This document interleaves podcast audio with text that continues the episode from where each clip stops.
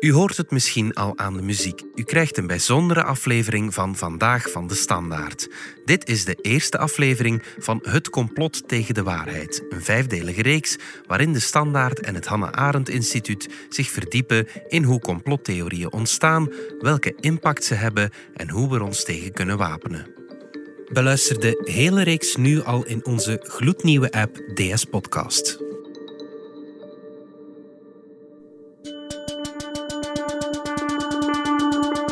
Good evening. A common question that we get asked is how can you be sure that it's actually safe and effective? Dit is Anthony Fauci. Hij is immunoloog en Amerika's belangrijkste raadgever tijdens de coronapandemie. We often get asked, can you get COVID-19 from the vaccine? Kan ik corona krijgen van het vaccin? The vaccine is a small component of the virus. It's not the virus itself. So it is impossible Het is to get COVID-19 onmogelijk om corona te krijgen van het vaccin. from the vaccine. Secondly, Kan het me dan can it make me sterile? onvruchtbaar maken? Het zijn vragen die Amerikanen bezighouden. Maar Wat ik ervan hoor zijn van flarden ook hier zijn er op social media, zoals ehm, nog niet bewezen dat vrouwen wel of niet zwanger daarvan kunnen worden, waardoor ik dan wel twijfel. twijfels. Ondanks dat er bewijs is. Already tens of thousands of people Tienduizenden, ondertussen zelfs miljoenen mensen hebben het vaccin al gehad. received the vaccine with no significant adverse events. Zonder grote bijwerkingen. Does it get into my DNA? Dringt het binnen in mijn DNA? It is biologically impossible Onmogelijk. for that to happen. Maar toch Ik geloof alleen maar misschien dat dat je DNA wat kan ze zeggen van niet, maar daar heb ik schrik dat misschien als je DNA verandert, geloven mensen de zotste theorieën.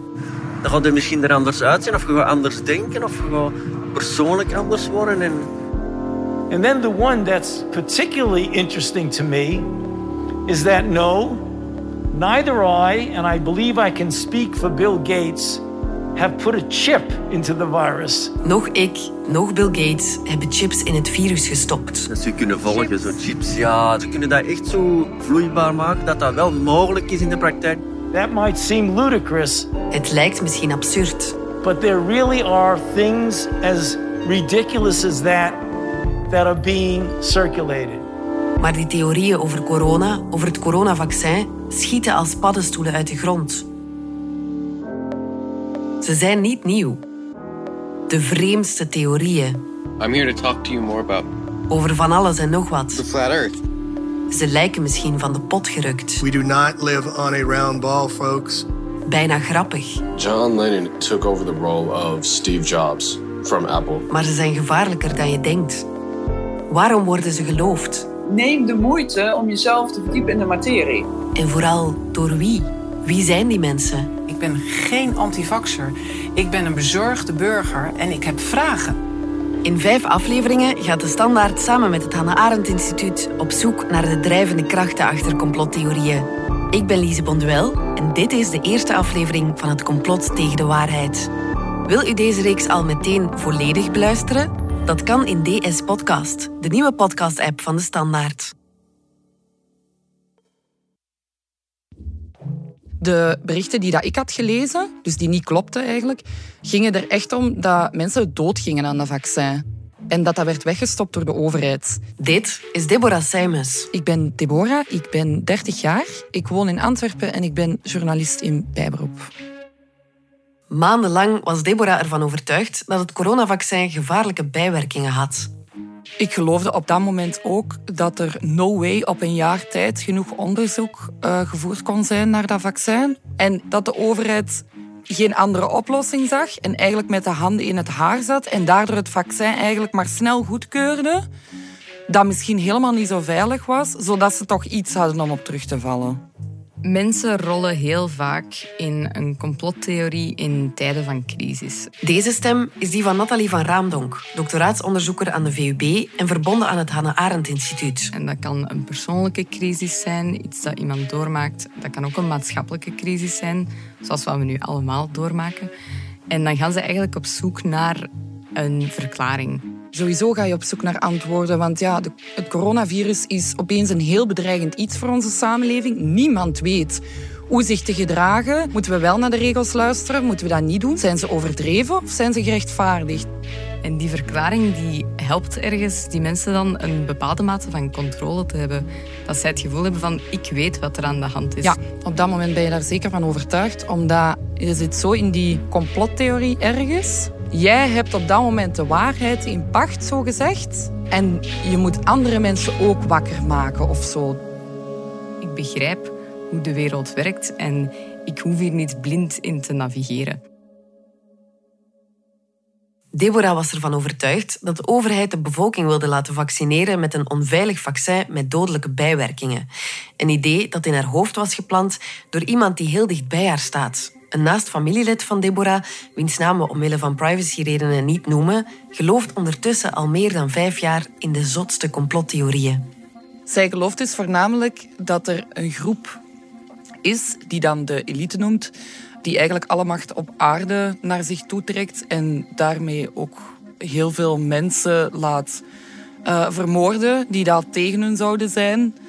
En eigenlijk gelooft ze voornamelijk dat de overheid op niks te vertrouwen is. Dus alle theorieën waar dat ze in gelooft, komen eigenlijk op dat principe neer. bijvoorbeeld, binnenkort bestaat er geen geld meer dat wordt gewoon uh, gemanipuleerd door de overheid. Binnenkort zal er geen water meer zijn. De coronacrisis is volgens haar... Het weer wordt gemanipuleerd door de overheid. En is. En wordt gebruikt momenteel om een groot deel van Zodat wij ons best doen als burgers om er een betere wereld van te maken. Om kloten aan te helpen, om haar burgers een schuldgevoel aan te praten. Dus eigenlijk alles komt neer op de overheid en de elite die alles in handen hebben.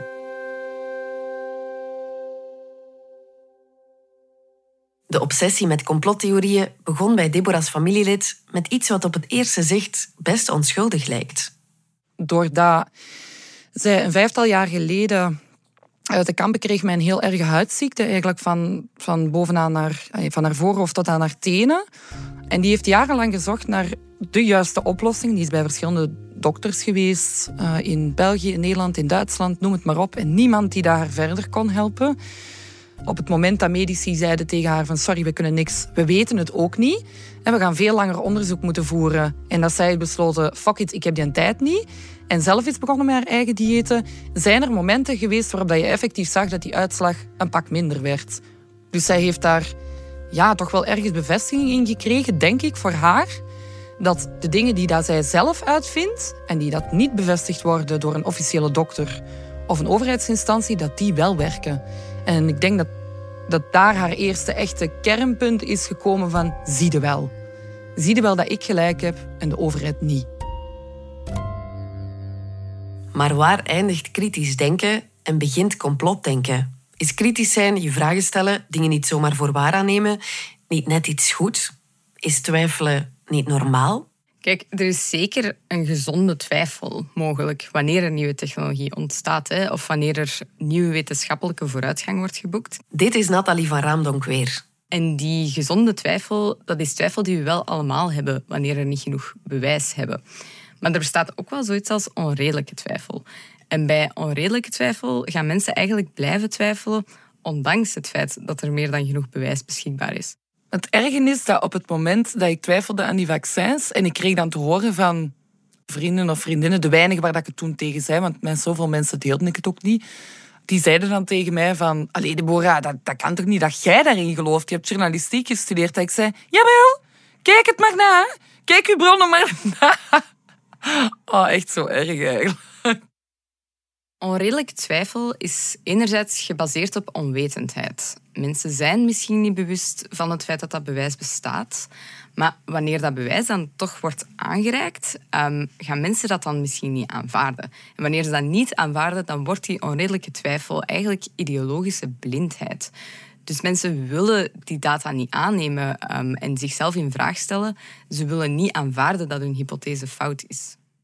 En die onredelijke twijfel kan uiteindelijk uitmonden in complotdenken. Maar wanneer is iets een complottheorie? En wat is een complottheorie dan juist?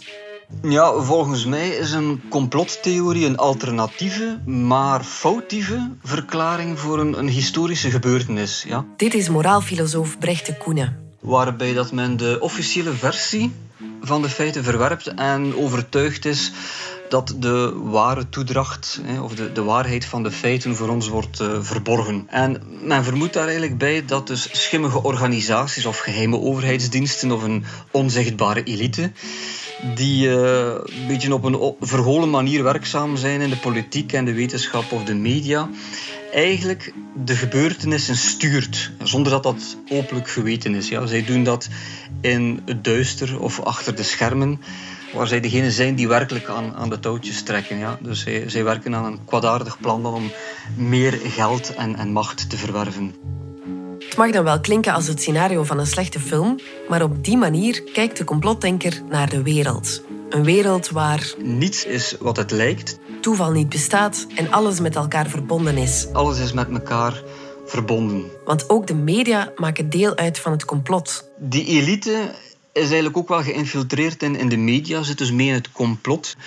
Een afgezwakte versie is natuurlijk dat de pers eigenlijk gewoon niet meer kritisch is en zelf ook niet beseft dat ze slechts een spreekbuis is van die elites. Ja. Dus het is het volstrekte en dus ongenuanceerde wantrouwen ten opzichte van de reguliere pers, die zij dan denigrerend de mainstream media of MSM noemen. En je bent er op dat moment eigenlijk heilig van overtuigd dat een groot deel van de bevolking maar gewoon volgt. Zelfs Deborah, die zelf freelance journalist is, keek op een bepaald moment met een wantrouwige blik naar de media. En je krijgt nog harder die een attitude van... Zie je nu wel? Dit is de waarheid. En niet wat het er daar buiten in de media wordt ja, verkocht, eigenlijk.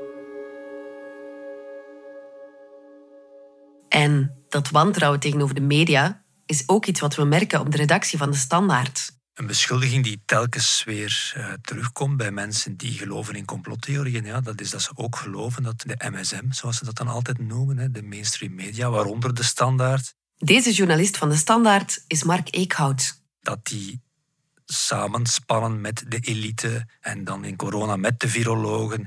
En dat wij dan maar één discours hanteren, met name het officiële, en dat we alle afwijkende meningen in de doofpot steken. Ja, sinds corona is dat eigenlijk alleen maar erger geworden. Ook al is dat uiteraard niet zo, maar het is wel het verwijt dat we van een steeds groeiende groep mensen die niet meer geloven wat het officiële discours is, van die mensen krijgen we dat inderdaad dat verwijt en meer en meer. Nu, hoe ga je daarmee om? Hoe ga je daarmee om? Ja, dan probeer je mensen door te verwijzen naar gedegen wetenschappelijke studies, naar objectieve wetenschappelijke studies, naar feiten waar wetenschappelijk een consensus over is. En dan probeer je hen dat eigenlijk te doen lezen. Maar ja, als ik eerlijk ben, moet ik toegeven, ja, dat heeft weinig effect. De meeste van die mensen die, die zitten al in hun logica, die zitten in hun geloof. Hè. Die geloven dat wat wij vertellen fake news is en je krijgt hen daar niet meer van af dat is eigenlijk, uh, allez, denk ik, dat is mijn mening, dat is, dat is een verloren strijd. Complotdenkers worden vaak weggezet als een bende irrationele gekken. Maar is dat wel terecht? Soms gebeuren complotten toch ook echt. What did the president know? And when did he know it? In 1972 bijvoorbeeld stuurde de republikeinse Amerikaanse president Richard Nixon werkelijk inbrekers naar een kantoorgebouw van zijn politieke tegenstanders, de Democraten, om daar afluisterapparatuur te plaatsen of documenten te stelen. President Nixon had no knowledge of or involvement in dat complot kreeg de naam Watergate. Either the Watergate affair itself or the subsequent efforts of a cover-up of the Watergate. Dat complot werd ontmaskerd. The House of Representatives adopt articles calling for the impeachment of Richard M. Nixon. En zou leiden tot het ontslag van Nixon. In a televised farewell last night, President Nixon acknowledged that because of the Watergate affair, he no longer has a strong enough base in Congress to continue with any effectiveness. Therefore, I shall resign the presidency effective at noon tomorrow. Of in 2001, toen een groep radicale Arabische mannen onder leiding van een Saoedische miljonair vlieglessen volgde om met gekaapte lijnvliegtuigen een aanslag te plegen op belangrijke gebouwen, zoals het World Trade Center in New York op 11 september 2001. We have some problems over here right now. We might have a hijack over here, two of them.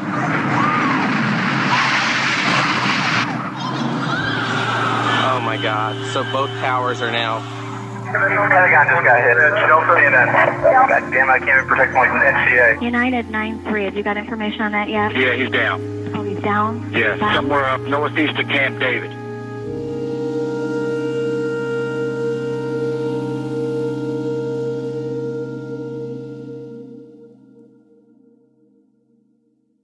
Je hoeft dus niet compleet gek te zijn om te vermoeden dat iets een complot is. Daarom vindt deze man Mijn naam is Jaron Harambam en ik ben interdisciplinair socioloog.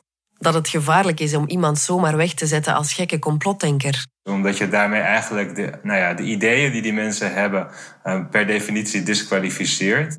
Want dat betekent meteen dat je niet meer op de inhoud hoeft af te gaan. Het is een soort van metabeschuldiging die alle eh, legitimiteit en geloofwaardigheid van de ander in twijfel trekt. Ja, ik vind dat heel erg eigenlijk, want ik zie ook wat dat, dat binnen mijn familie. Wanneer dat het woord gekkies in de mond wordt genomen, dat is heel kwetsend. En ik vind dat dat ervoor zorgt dat de kloof alleen maar groter wordt. En wat je dan krijgt is eigenlijk een soort van radicaliseringsdynamiek, waarbij die groepen mensen steeds verder van de maatschappij gaan afstaan en daardoor vooral met hun eigen community bezig is en daardoor geen dialoog eigenlijk meer heeft met de rest van de samenleving. En dat die ideeën dus steeds extremer kunnen worden. Waardoor dat je eigenlijk alleen maar meer ruzie en meer ongezonde discussie gaat creëren. En daar is geen ruimte meer om nog een normaal gesprek of een normaal debat met elkaar te voeren. En wat je dan eigenlijk ziet is een soort van polarisatie binnen de maatschappij ontstaan, waarbij de mainstream andersdenkenden wegzetten als gevaarlijke complotdenkers en daardoor niet meer met hun in gesprek gaan. En aan de andere kant gaan de complotdenkers de mainstream eigenlijk wegzetten als onnozele schapen die maar eh, het officiële verhaal blijven volgen. Dus ik denk dat dat zeer ongezond is om elkaar zo te stigmatiseren en dat we dat zoveel mogelijk moeten vermijden.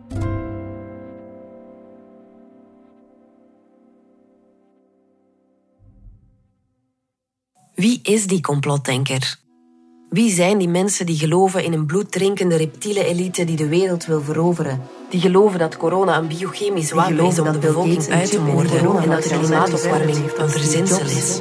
Wie gelooft dat? Zowel hoogopgeleide mannen als jonge vrouwen, mensen uit de stad of het platteland.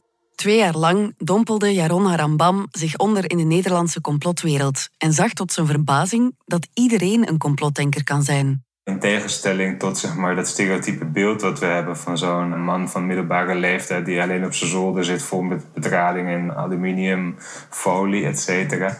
Ja, er zit heel veel verschil. En als je grootschalige kwantitatieve onderzoeken ziet, dan zijn die complotdenkers eigenlijk redelijk gelijkelijk verdeeld over de samenleving. Alleen zie je wel qua politieke partij aanhangen dat die meer naar de extreme zitten. Dus minder de centrumpartijen en meer op de flanken. Maar het hangt natuurlijk heel erg af van, van wat voor soort complottheorieën worden aangehangen. Dus je daar weer onderscheid tussen maakt, zie je ook weer verschillen ontstaan. De complotdenker heeft dus niet echt een gezicht. Het zou zomaar je buurman, je nicht, je tante, je lief, je ex, je nonkel, je leraar, je huisgenoot, je bakker of je vriend die in de meest absurde complottheorieën gelooft. Dus het is denk ik heel erg moeilijk om over de complotdenker te spreken als uniforme categorie, omdat je ziet dat er verschillende subculturen van complotdenkers zijn. En dat zeg maar de hoogopgeleide urban hipsters die in de soort van anti-vax beweging zitten, zich laten inspireren door Oosterse leefwijzen en filosofieën en alternatieve geneeskunde. Dat dat hele andere mensen zijn dan zeg maar de, de boze burger die zich ongehoord voelt en die het gevoel heeft dat de politieke elite een groot eh, complot is. Of bijvoorbeeld de mensen die zich met 9-11 Truth bezighouden en die ja, heel erg met mee- bouwkunde, explosieven en geopolitiek bezig zijn. Dus het is denk ik belangrijk om verschil te kunnen maken binnen die complotdenkerswereld. Schuilt er dan een complotdenker in iedereen van ons? Geloven jij en ik straks ook in de meest van de potgerukte theorieën? Deborah had er ooit om gelachen. Als je mij vijf jaar geleden had gevraagd of dat ik ooit in een complottheorie zou geloven of dat ik ooit als complotdenker bestempeld zou kunnen worden, had ik denk ik eens goed gelachen. Ik heb journalistiek gestudeerd, dus ik ben er altijd wel van uitgegaan dat ik feiten kan onderscheiden van al de rest van de romslomp.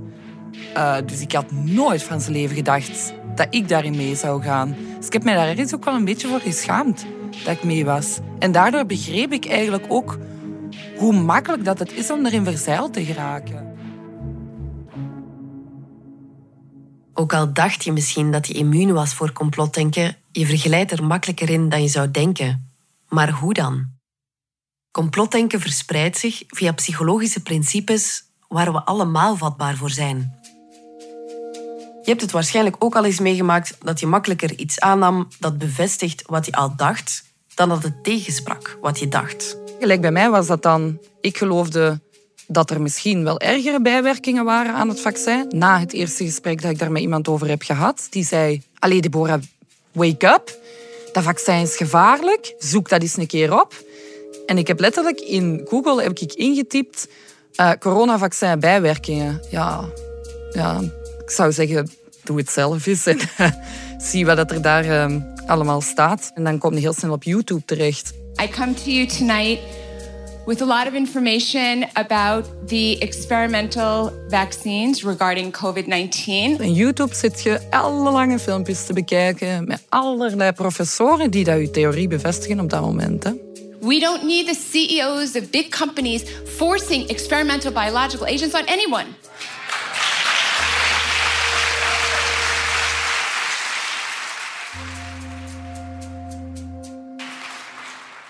Dat je makkelijker bevestiging accepteert voor twijfels die je toch al had dan tegenspraak.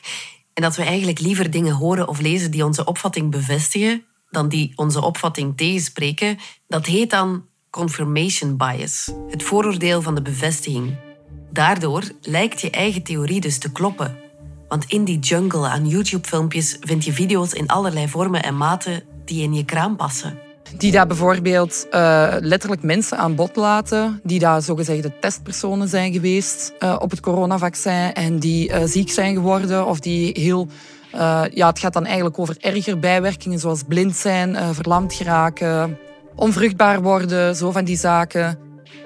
Er is een filmpje op YouTube dat bijvoorbeeld een tiental zwangere vrouwen aan bod laat komen die allemaal hun kind hebben verloren ja, dat zijn vaak ook heel ingrijpende filmpjes. En ik denk dat dat onderdeel van mens zijn is dat je op dat moment ook niet kunt geloven dat andere mensen u iets, zoiets zouden wijsmaken. Want welk goed mens, om het zo te zeggen, uh, zou op dat moment een ander mens willen wijsmaken dat hij haar kindje heeft verloren door een zogezegd vaccin uit te testen. But people do. They actually do. Mensen werken aan zotte shit mee op deze moment om hun theorie maar bevestigd te krijgen. En daarom is dat zo gevaarlijk. Mensen gaan daar zo ver in om die theorie maar bevestigd te krijgen die ze in hun hoofd hebben. En iedereen heeft het waarschijnlijk al eens meegemaakt dat je je werkelijke kennis veel hoger inschatte dan eigenlijk het geval was. Volgens Nathalie van Raamdonk heet dat dan het Dunning-Kruger-effect ja, een antivaxarts die op de zevende dag komt verkondigen dat zij ook al wel maanden studie heeft gelezen over het vaccin en daardoor denkt dat zij een discussie aan kan gaan met een, een viroloog die al twintig jaar in het veld zit. Dat is toch wel een typisch voorbeeld van een Dunning-Kruger-effect. Het Dunning-Kruger-effect. Iemand die dus zijn kennis veel hoger inschat dan het werkelijke gemiddelde, en we zien dat heel vaak bij complotdenkers en mensen die in desinformatie vallen, die denken dat ze veel meer weten over de zaken. We worden in een soort hypnose gehouden, in een denkraam. Dit vertelt Door Frankema, de oprichter van vaccinvrij.nl, in een YouTube-video. En daar zitten niet alleen de ouders in, maar ook de artsen, ook journalisten, ook politici. Die hebben geen behoefte aan een wetenschappelijke onderbouwing of aan cijfers waarmee je dat kan controleren. Die geloven dat. Dat ze dus ook gewoon een bepaalde studie kunnen lezen, begrijpen en ook kunnen oordelen of dat die methodologie dan wel juist en waardevol is. Ik heb ondertussen, ik denk wel een half jaar eh, aan studie eh, in uren, maal 40 uur per week eh, gedaan na vaccineren. En dit is een uitspraak van ene Eva van Zeeland op haar YouTube-kanaal zij denken dus dat zij daar de kennis voor hebben, in plaats van een reflectie te maken van hmm, misschien weet ik daar eigenlijk niet genoeg over om hier een oordeel over te kunnen maken. En misschien moet ik toch wel iets kritischer zijn voor mijn eigen kennis. En je hebt het waarschijnlijk al eens meegemaakt dat je verbanden ziet die er eigenlijk niet zijn. Je ziet kwade wil achter iets wat simpelweg door toeval of slordigheid kan gebeurd zijn. Bij het minste dat de overheid verkeerd doet, ga je direct kunnen wijzen en zeggen ah, zie je wel dat ze het niet goed met ons voor hebben? Ze hebben verdoemen geen mondmaskers genoeg. Of weet ik veel wat, wat er op dat moment aan de gang is. Het is heel makkelijk wanneer dat iemand een fout maakt om daar direct op te wijzen. Je moet een zonnebok hebben. En de overheid is toch de makkelijkste boosdoener van allemaal. I've never seen anything like this where we have groups of physicians or scientists and government bureaucrat agencies essentially lying to the American people and people across the world. Jij hoeft geen persoon zelf aan te wijzen. Nee, je kunt gewoon zeggen de overheid. Die heeft het verkeerd met ons voor. Daar zit zoveel geld in. Daar werken zoveel mensen.